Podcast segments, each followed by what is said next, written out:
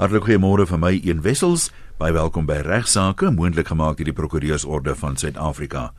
Ouer gewoonte is Ignas Kleinsmid weer die aanbieder namens die Prokureursorde en ons het nou verlede week soveel interessante vrae gehad wat Volker Kreur vir ons beantwoord het. Ignas sien ek het nog 'n hele klomp algemene vrae. So Ignas, jy kan maar begin. Ja, dankie. Welkom weer aan jou Volker. Volker is daar by Velden Duffy ingelê vir Rustenburg en 'n eiendomsreg spesialis. Ons het 'n bietjie gesels soos julle onthou verlede week luisteraars oor eiendomstransaksies en boedelbeplanning vir boere spesifiek, maar ook vir almal maar maar veral gebied boere. En ons het toe gepraat oor Gert wat sy plaas verkoop het daar in Lichtenburg en uh miskien uh Volker net eerstens Gert weet nie daar waar grondeise op sy plaas is nie. Uh maar Jan wil natuurlik baie graag weet, die koper wil graag waarborg hê. Hy sê gee my 'n waarborg, daar's nie grondhuise nie. Ons weet almal die boere het net begin om 'n sig van verligting te slaak toe hulle skielik weer die grondhuise oopgemaak het en daar's nou weer duisende nuwe grondhuise. Kan eh, kan die verkoper 'n waarborg gee in so omstandighede? Wat sal jou advies aan hom wees? Hy kan 'n waarborg gee. Ehm um, mens kan natuurlik ook voor die transaksie gesluit word probeer uitvind of daar 'n grondhuis inderdaad aanhangig gemaak is of nie. Mens kan byvoorbeeld by die grondhuise kommissaris navraag doen in die verband. As hy dan bevestig daar is 'n grondeis, dan uh, moet die partye natuurlik dienooreenkomstig onderhandel en dan moet die koper besluit of hy maar nog steeds bereid is om die koopkontrak te sluit. Normaalweg gaan dit natuurlik 'n koper afskrik. As die grondeise kommissaris laat weet dat daar nie 'n eis vir ons hulle rekords aanhange gemaak is, is dit natuurlik ook nie 'n waarborg dat daar nie so 'n eis bestaan nie. En uh soos jy nou klaar genoem het, dit kan natuurlik ook gebeur dat die datums weer uitgeskuif word of dat die reëls verander word. So ehm um, dis eintlik baie gevaarlik om as 'n verkoper 'n waarborg te gee dat daar nie so grondeis is nie. So normaalweg sou ons uit die verkoper se oogpunt maar liewes met 'n klousule in die kontrak werk waar volgens die verkoper bevestig dat hy nie bewus is van enige grondeise nie en dit ook nie bewus is van enige feite wat 'n grondeis kan fundeer. En uh, as dit dan die posisie is, dan uh, gaan die koper hom nou nie kan dagvaar as dit nou later blyk dat daar 'n uh, wel 'n grondeis is waarvan hy nou nie geweet het nie. Ja, en soos jy reg sê, die grondeise kommissaris uh, het ek al telke male gesien en so standaard brief wat hulle vir jou stuur wat uh, tot die effek dat tot die beste van ons wete bestaan daar geen grondeis nie. Dit laat die agterdeur oop dat omdat dit 'n bietjie die die uh, organisasie nie administrasie is nie altyd so 100% nie. Volker die die koper koop die plaas saam met die mielieboerdery, trekkers en implemente soos jy voorgestel het as 'n lopende saak en jy het reeds vir ons gesê dis 'n nul koers BTW transaksie het jy verlede week vir ons gesê. Maar daar's nou vyf werkers wat op die plaas woon en werk. Dit skep altyd probleme. Baie baie gereeld. Want die koper wil nie die werkers oorneem nie. Hy stel nie belang in die aan die aan die, die verkoper se werkers hy het sy eie mense. Uh het hy 'n keuse? Moet hy hulle oorneem? Jy gaan hy het nie 'n keuse nie. Artikel 197 van die Wet op Arbeidsverhoudinge bepaal dat 'n koper van 'n besigheid in hierdie geval gaan die koper natuurlik die besigheid saam met die eiendom koop, saam met die plaas koop, die milie boerdery, ehm um, dan uh, moet die koper die werkers oorneem. Die koper tree eintlik in die uh, skoene dan van die verkoper wat die uh, dienskontrakte aanbetref. So hy uh, uh, kan nie op grond van die aangaan van die koopkontrak as sulks die werkers aflê nie. As daar natuurlik ander arbeidsregtelike oorwegings is en redes is om hulle te ontslaan as gevolg van dissiplinêre stappe of wat ook al die geval mag wees, dan mag hy dit doen, maar hy mag nie op, as gevolg van die koopkontrak as sulks die uh, werkers net ontslaan nie. Die uitklaringssertifikaat situasie. Ons weet daar's baie landbougrond luisteraars en die boere wat luister sal weet sommige van ons wat boere is betaal nou al reeds uh munisipale belasting en ander nog nie. Sommige dele is al ingesluit, sommige dele is nog besig in die proses mee. Maar is daar altyd 'n uitklaringssertifikaat nodig? as mense plaas verkoop. Ja, ek nou inderdaad, maak nie saak of uh, die uh, spesifieke stuk grond al vatbaar is vir munisipale belasting, grondbelasting of nie. Daar moet altyd vir alle oordragte van onroerende goed 'n uh, uitklaringssertifikaat ingedien word by die akte kantoor. So waar 'n plaas ook verkoop word, moet die uitklaringssyfers aangevra word vanaf die munisipaliteit en betaal word en daarna sal hulle dan 'n uitklaringssertifikaat gee wat dan ook ingedien moet word by die akte kantoor. In die geval van ja. plase is die grondbelasting normaalweg in my ondervinding daarom nie te veel nie, maar uh, nog steeds dit moet uh, betaal word en dit moet eintlik vooruitbetaal word vir 'n tydperk van uh, eh, 2 tot 4 maande afhangende van die munisipaliteit se beleid en dan eers kan die eiendom oorgedra word. 'n uh, Volkere kliënte boer vir my daar van Ventersdorp het onlangs hierdie geval gehad waar hy wil sy kinders universiteit toe stuur uh, en hy wil geld leen daarvoor en dan wil hy ook sommer dieselfde tyd 'n uh, uh, uh, woonstel daar in Hatfield koop. Ek weet nie hoe om die kinders nie pik toe stuur nie. Is 100 keer beter en maar in elk geval. Ek verstaan dit weer baie goed.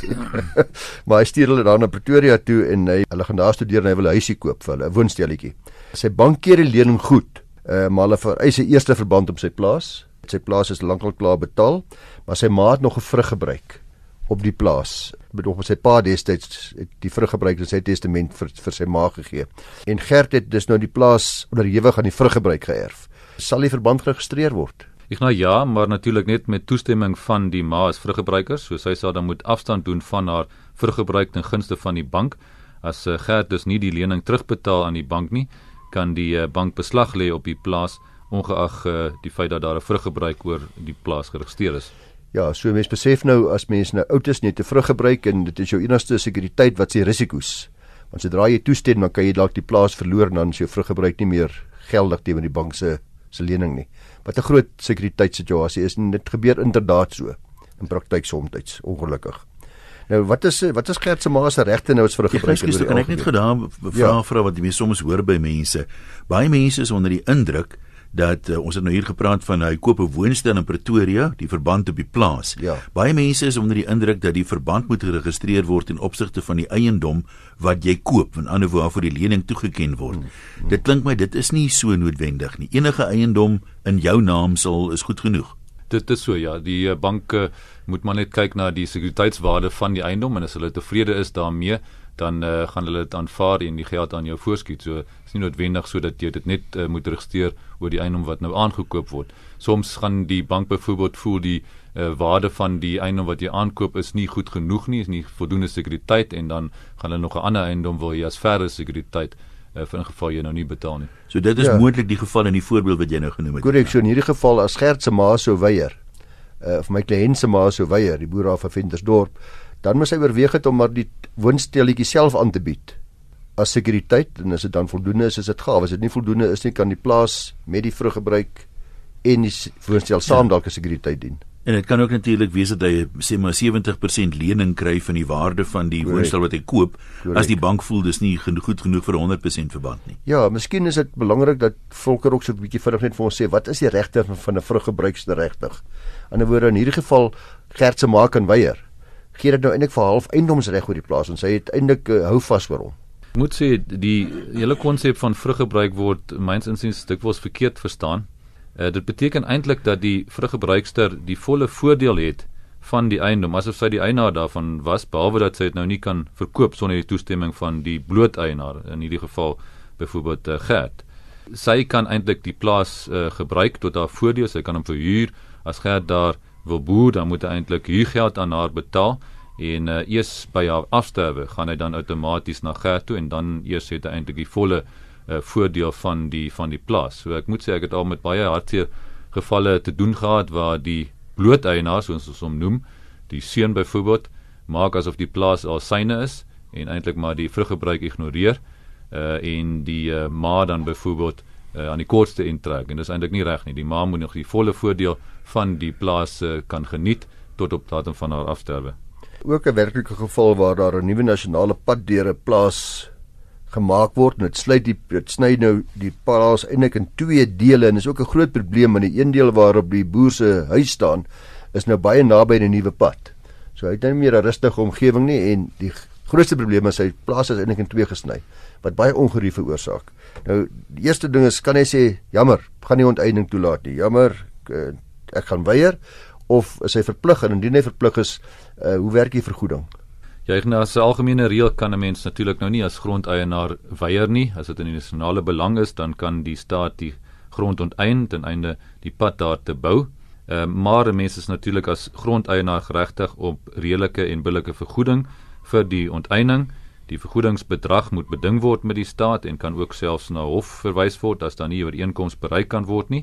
Wat die vergoedings aanbetref, eh, vergoedingsbedrag aanbetref, is dit ook uh, dalk belangrik om te weet dat dit nie net die grondwaarde sulks is wat te sprake is, maar dat mense uh, ook moet kyk na die ander verliese wat uh, die grondeienaar ly as gevolg van die ontwrigting wat die onteiening veroorsaak. So as hy plaas byvoorbeeld nou in twee gesny word en so meer en daar's koste implikasies wat uh, daaruit volg, dan is dit ook 'n faktor wat uh, in ag geneem moet word. Nou kry jy dikwels dat waar 'n plaas so gesny word, uh, dat die boer maar liewers dit vir hom beter is om 'n een stukkie te verkoop. Anderswoorde het nog net steeds uit een titelakte met die servituut oor die plaas uh, vir die pad. Maar dan sê jy weet ek gaan nie een deel maar aan die buurman verkoop. Is dit moontlik? Want onthou nou as jy wet op onderverdeling.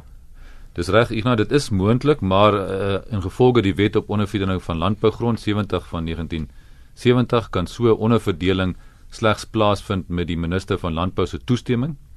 Die kanse is uh, oor die algemeen beter om die toestemming te kry waar een van die stukkies grond wat nou onderverdeel word dadelik weer gekonsolideer word aan 'n uh, anders of saam met 'n ander stuk grond, so as die koper byvoorbeeld die buurman is wat die onderverdeelde grond gaan konsolideer met sy ander stuk grond, dan uh, is uh, uh, die kanse baie beter dat jy toestemming gaan kry. Dan moet in so 'n geval dan ook onderverdelingskaarte en konsolidasiekaarte opgestel word deur 'n landmeter. So proses kan egter ongelukkig nogal lank vat. Ons praat hier van maande of selfs jare om dit deur die relevante uh, staatsdepartemente deur te kry. Maar as die toestemming nou op die einde uh, gegee word, dan uh, kan uh, die grond inderdaad onderverdeel word en gekonsolideer word met die stukkie grond langsaan. Ja, en dan moet die boere nou maar mooi luister en ook die die prokureurs wat dalk tuis ons kollegas uh, as ek vra of Gert en sy buurman nou ook hy wil nou 'n stukkie afsny wat afgesny is. Uh, wat wat gesny is deur die pad in die middeldeur. Uh nou verkoop hy dit, maar hy sê in die oop die koperooreenkoms, ek verkoop dit onderhewig aan die opskortende voorwaarde dat die minister se toestemming verkry moet word. Dit wil sê die kontrak word nou gesluit, maar gaan net aan as die toestemming verkry word. So opskortende voorwaarde, anders gestel en hierdie toestemming nie verleen word nie, dan verval die kontrak. Is dit 'n geldige ooreenkoms? Dit is uh, ongelukkig nie 'n geldige ooreenkoms nie. Die Giewe saak wat in 2005 ja. gerapporteer is, het dit uh, so bevestig. So die wet verbied selfs die sluit van 'n koopkontrak onderhewig aan 'n opskortende voorwaarde dat die onderverdeling van die landbougrond uh, goedgekeur moet word. So ja, ek sou eintlik sê dis nogal 'n onbevredigende posisie want dikwels is daar maar die behoefte dat ehm, 'n um, kontrak al reeds aangegaan word nog voordat die onderverdeling goedgekeur word en die uh, uitgangspunt is natuurlik dat die party net wil aangaan met 'n transaksie as dit dan inderdaad uh, deurgaan maar ja dit is ongelukkig die huidige posisie en daar's ook onlangs 'n gesag wat dit duidelik maak dat selfs 'n opsiekontrak wat onderhewig is aan 'n opskortende voorwaarde die onderverdeling goedgekeur moet word nie afdwingbaar is nie so ehm um, in hierdie geval sal Gert en sy buurman maar eers die onderverdelingsproses moet afhandel en sodra die nodige toestemmings dan verkry is, uh, die koopkontrak aangaan. Volker, hierdie kliënt van ons aan Rustenburg besit 'n plot met twee huise op. Dis 8 hektaar groot, is maar 'n klein boer wat baie van die plotmense sê mos maar hulle is boere ook. Maar in elk geval hy wil hom in 4 dele opsny. Uh 2 hektaar stukke elk. Die bestaande twee huise sou op twee verskillende gedeeltes dan nou staan. Hy sê ook van plan om nog twee verder huise op die ander twee gedeeltes te bou en dan te verhuur en dalk later te verkoop. Gaan hierdie plan werk? Ja, ek nou nie maklik nie. Die uh, wet op onderverdeling van landbougrond waarna ons voor ook verwys het, gaan ook in die geval van toepassing wees en hy kan maar aanvaar dat die minister nie toestemming sal gee vir so 'n onderverdeling nie. Die uh, minister gaan vereis dat daar 'n behoorlike hersonering en dorpstigting plaasvind en dit is maar 'n duur proses. Die munisipaliteit moet onder andere die nodige goedkeurings vir dit gee beteken ook dat hy as 'n uh, grondeienaar en ontwikkelaar ontwikkelaar die dienste in plek sal moet sit vir uh, water en riool en uh, dis 'n duur storie daar praat mense van miljoene rande. So ja die kans dat sy plan gaan werk is ongelukkig baie skraal. Ons praat oor 'n stukkie grond van 8 hektaar Is dit relevant hoe ekonomies vatbaar dit is om daarop te boer? Sê net maar dis op die stadium landbougrond, maar hy kan nie regtig 'n lewe maak daaruit nie. Hy saai net sommer daar 'n lappie kool of wat ook al. Is dit enigsins 'n faktor hoe winsgewend dit is of 'n mens werklik daarop kan boer en 'n lewe daarop kan maak? Sê nou dit lê net maar net daar af en toe kom wy daar 'n paar skape daar byvoorbeeld. Is dit enigsins relevant of glad nie? Die uitgangspunt van die wet is eintlik om te sorg dat die landbougrond nie opgesny word in onekonomiese eenhede maar ja, al is dit 'n klein 'n klaar klein stuk uh, is my ondervinding dat hulle nie sommer uh, so gaan toestemming gee vir 'n verre onderverdeling. As deel van die behoorlike ontwikkeling van die dorpsgebiede en die uh, stedelike gebiede wil hulle hê dat daar behoorlike dorpstigting plaasvind. So hulle wil hê dat dit uh, aangrensend is reeds tot 'n bestaande dorp en 'n regtig behoefte behoefte is vir verre ontwikkeling van daai dorp of stad en in slegs in sulke omstandighede gaan hulle die nodige toestemmings gee. Ja, om daarbey aan te sluit volker, kom ons sê net maar dis 'n in Rustenburg gebied is dit 'n groot probleem en ander dele ook is die sogenaamde onverdeelde aandele wat as as gevolg van vererwing sal later 10, 20, 30 mense wat 'n stuk grond besit in onverdeelde aandele. Dan kom ons sê nou maar Gert besit 'n onverdeelde kwart aandeel in 'n plaas van 150 hektaar byvoorbeeld wat hy geërf het. En jy weet dis nou weer oupa en oupa grootjie en almal het geërf. Gert se pa was dan nou sê net maar een van vier kinders en nie vier het die plaas in gelyke dele geërf. Hulle wil nou die plaas onderverdeel sodat elkeen sy eie stukkie kan hê. Is dit moontlik? Dit is uh, moontlik en daar is die kanse uh, baie beter dat dit uh, wel toegestaan sal word. Dis weer eens 'n gevolg die wet op onderverdeling van landbougrond waarvoor ons mense aansoek moet uh, bring by die minister van landbou vir sy toestemming. Die uh, wet verbied ook die verdere opdeel van aandele in on, uh, in in uh, landbougrond in onverdeelde aandele, maar waar daai onverdeelde aandele reeds bestaan, byvoorbeeld waar dit uh, gebeur het voordat die wet in werking getree het, kan 'n mens ook by uh, die minister aansoek doen vir toestemming om die grond as sulks te verdeel sodat elke uh, mede-eienaar sy eie stukkie grond het en normaalweg sal um, die uh, minister inderdaad die toestemming gee want uh, daar uh, die posisie is na die uh, onderverdeling van die grond as uh, sulks nie slegter in terme van opsnipping van uh, landbougrond vir uh, in in onekonomiese eenhede nie. So daai uh, kanse is baie beter dat so aansoek wel sal deurgaan. Volker die kliënte kom by jou en hulle sê vir jou Kobie Bierman se plaas en jy praat met hulle en gesels met hulle en tydens die konsultasie blyk dit dat die buurman reeds vir 25 jaar lank 'n grondpad oor die plaas gebruik om by die teerpad uit te kom van sy huis af. Uh hulle gaan die transportakte na en dit blyk daar's nie 'n servituut geregistreer nie. Nou is dit 'n probleem want uh, jy wil daai pad nou nog gebruik. Of dit irriteer die buurman verskriklik dat die pad nog steeds gebruik word want weet mos hoe werk dit met buurman daar word geklaar daar word hekke word nie toegemaak nie of daar word nie bydraes vir die onderhoud van die pad gemaak nie. Al daai gewone dinge. Kan hulle nou weier dat die buurman die pad gebruik? Verjaring is uh, die relevante regsbeginsel daar te sprake. Verjaring uh, geld egter eers na 'n tydperk van 30 jaar. As uh, iemand so pad sou gebruik eh, vir 'n tydperk van uh, 30 jaar dit uh, sluit nou die voorgangers in titel in asof hy die eienaar of die reghebende is van 'n servituut ten opsigte van daardie pad, dan kan dit wees dat dit deur verjaring wel so 'n servituut ontstaan het. Aan die ander woorde is 'n uitsondering op die algemene reël dat uh, 'n mens na die titelakte van die grond moet kyk om te bepaal of daar servitute is. In so 'n geval kan die servituut ontstaan deur verjaring en sal dit dan nie in die titelakte aangedui word nie, maar is dan nog steeds afdwingbaar. Nou in die voorbeeld wat jy gegee het, uh, dink ek praat ons van 25 jaar, so dis nou nog nie lank genoeg om verjaring uh, te sprake te maak nie. So op grond van verjaring gaan hy waarskynlik nie reg uh, kom nie, maar daar's natuurlik 'n ander opsie.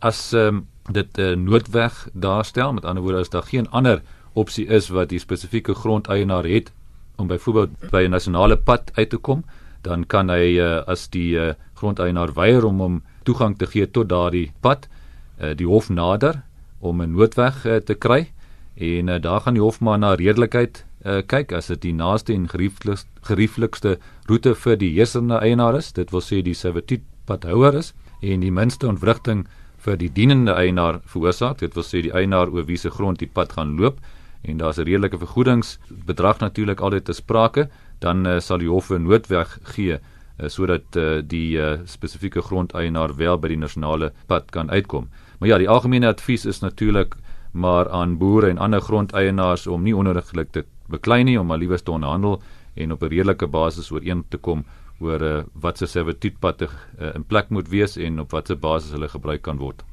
Daar's ook nou baie boere en eienaars van grond wat nou luister en wonder o, gits jong, my buurman ry nou al so lank oor my grond. Ek weet nou nie weet 10 of 15 jaar of hoe lank dit is nie, maar gaan nie eendag van tyd kom sê dat hy nou 'n uh, outomatiese servituut gevestig soos Volker nou sê na 30 jaar nie en ek weet ek my buurman gaan nog lank daar wees. Hoe keer ek dat hy nou nie later kan sê dis 30 jaar nie? Ja, ek na die beginsel dat verkrygende verjaring loop geld net as die persoon die pad gebruik asof hy die houer is van die servituut, asof hy die eienaar is uh, as sulks. Uh, nou die idee daarvan is natuurlik die bevordering van regsekerheid. As iemand vir so 'n lang tydperk al uh, spe spesifieke reg uh, uitoefen, dan wil ons reg seker maak dat daar nie twyfel is oor uh, die feit dat hy daai reg inderdaad uh, besit. Nou om vir uh, jaring te verhoed, kan 'n mens natuurlik as grondeienaar seker maak dat dit duidelik is dat dit 'n vergunning is wat jy eintlik aan daai grondeienaar uh, toestaan. Met ander woorde, hy gebruik dit dan nie asof hy die uh, reghebben reghebende is nie, hy gebruik dit in gevolge die vergunning. En ja, ek weet van mense wat selfs 'n bord opsit uh, op 'n stuk grond om net maar duidelik te maak dat 'n vergunning is of 'n mens kan byvoorbeeld met 'n e-pos aan die buurman dit net bevestig dat dit 'n vergunning is wat enige tyd teruggetrek kan word en in so 'n geval loop verjaring dan nie.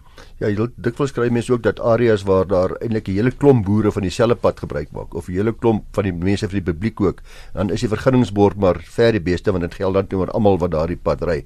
Volker net nog iets wat mis vir die boere belangrik gewees is grensdrade want dikwels kry jy dat grensdraad vir jare der jare vir dekades heen op verkeerde plek gespan is. Hmm. Ander woorde, ek het die buurman ek is 3 meter verkeerd gespan, maar ek het die voordeel van die 3 meter nou al vir baie jare lank. Is daar ook 'n waarskuwing wat jy hieroor 'n goeie advies wat jy vir die boer kan gee?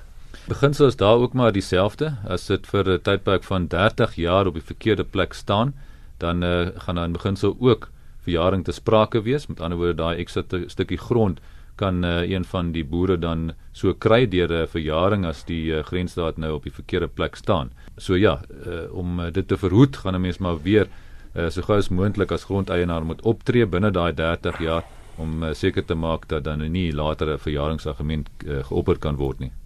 My kliënt wil sy plaas aan Kuruman aan sy buurman verhuur. Die buurman wil drywe plant. En natuurlik dit gaan 'n baie duur proses wees. Nou vra die buurman, jy weet, ek moet 'n klomp insit hierso. Dit gaan lank vat voor ek kan begin oes ensovoorts en ek wil daar my baie langtermyn huurkontrak met jou aangaan. Ek wil minstens die plaas hier vir 15 jaar. Advies van jou kant af? Omdat dit nou weer eens 'n deel van landbougrond is, geld die uh, wet op onderverdeling van landbougrond weer eens. So as dit net 'n verhuuring is, die wet ook te sprake want die wet bepaal dat sodra dit 'n langtermyn huurkontrak is, met ander woorde vir 'n tydperk van langer as 10 jaar, dan moet 'n mens weer eens die minister se toestemming kry vir daardie verhuuring.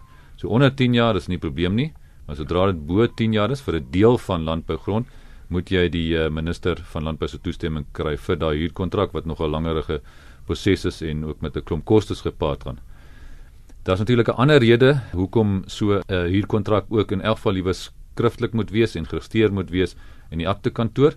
Enige langtermyn huurkontrak, weer eens uh, as dit vir 'n tydperk is vir langer as 10 jaar, is slegs afdwingbaar teenoor derdes as dit geregistreer is in die aktekantoor. Met ander woorde, dit moet 'n neutrale huurkontrak wees voor 'n notaris geteken en moet geregistreer word teen die uh, relevante titelakte in die aktekantoor. Dis om seker te maak dat die huurgat vir koopreël met ander woorde ook geld. Daardie reël geld dus uh, by langtermyn huurkontrakte slegs uh, as hy uh, geregistreer is in die aktekantoor.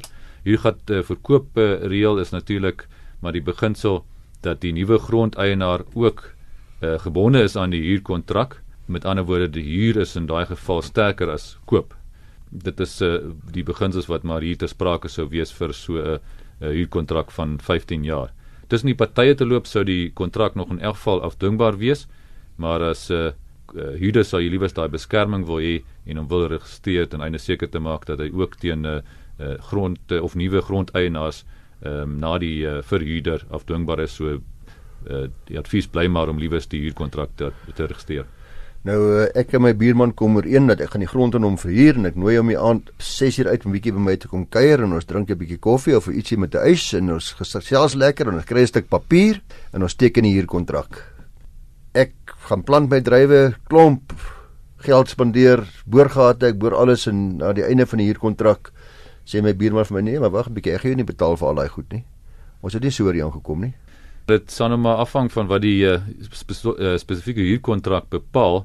Beste is natuurlik om daardie aspek ook spesifiek te onderhandel en in die huurkontrak uh, uh, uiteen te sit sodat daar geen twyfel is, dat sodat daar geen dispute later is. Normaalweg sou daar inderdaad 'n uh, klousule in 'n uh, huurkontrak wees waarvoor ons die huurder geen vergoeding kan eis nie vir enige verbeterings en waar die verhuurder ook 'n keuse het om die verbeterings oor te neem of ook kan vereis van die huurder uh om die uh die spesifieke verbeterings te verwyder sonder om enige skade aan te rig. So dis nogal 'n belangrike aspek vir enige huurkontrak om behoorlik te hanteer. Ek is bevrees ons het dus uurglasie het leeg geloop. Kan ons 'n streep trek hier? Kan ons uh, op 'n stadium dalk in die toekoms weer praat met Volker? Dis baie gawes as Volker kan sien om nog 'n week vir ons te kom vermaak. wil jy dalk jou e-posadres gee volker vir mense wat vir jou navraag wil rig oor hierdie tipe goed waaroor ons nou praat? Ja, een uh, dis 'n uh, volker V O L K E R by vvd.co.za. Volker, ek wil graag volgende week met jou gesels ook oor wat gebeur as boere tot sterwe kom, die boerbeplanning en die testamente en die soort van dinge so 'n bietjie daaroor ook asseblief. Dis nou vandag se regsaake moontlik gemaak deur die Prokureursorde van Suid-Afrika.